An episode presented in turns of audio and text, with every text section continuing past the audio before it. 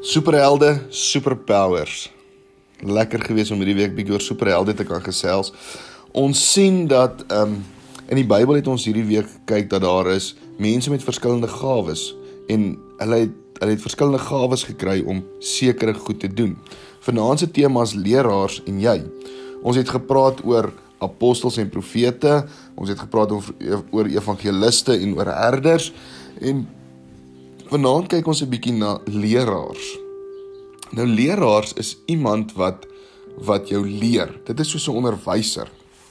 Hulle help jou om iets te verstaan en en en dit beter te kan gaan uitleef. Kom ons sê nou maar 'n uh, onderwyser help jou om 'n wiskundesom te kan verstaan en dan kan jy teruggaan en jy kan daai wiskundesom jou eie maak want jy verstaan dit mos nou.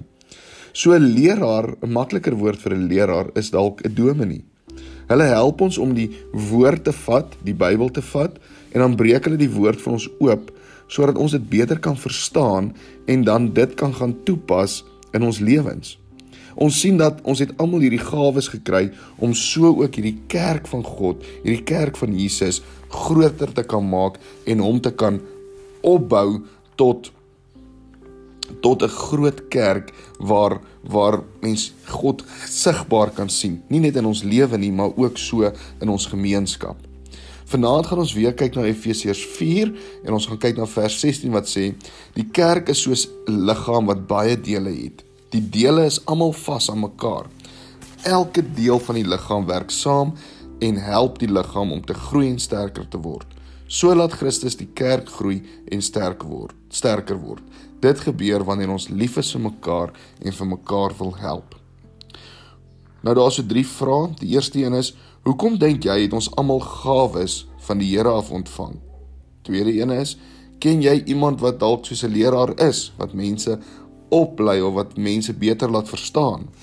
En die derde een is: Ek wonder watter gawe jy as geskenk gekry het.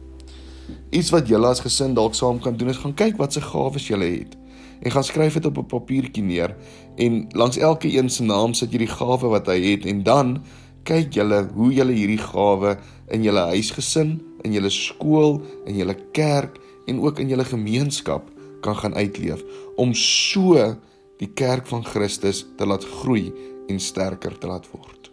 Kom ons bid. Here, dankie vir gawes wat ons het. Here, dankie vir leraars mense wat ons help om die woord beter te kan verstaan sodat ons dit kan gaan toepas in ons lewens en so kan gaan uitdra na ander mense toe. Dankie vir die grootheid en die almagtigheid, o Here. Ons is so lief vir U, o Vader. Amen. Mooi aand vir elkeen van julle verder.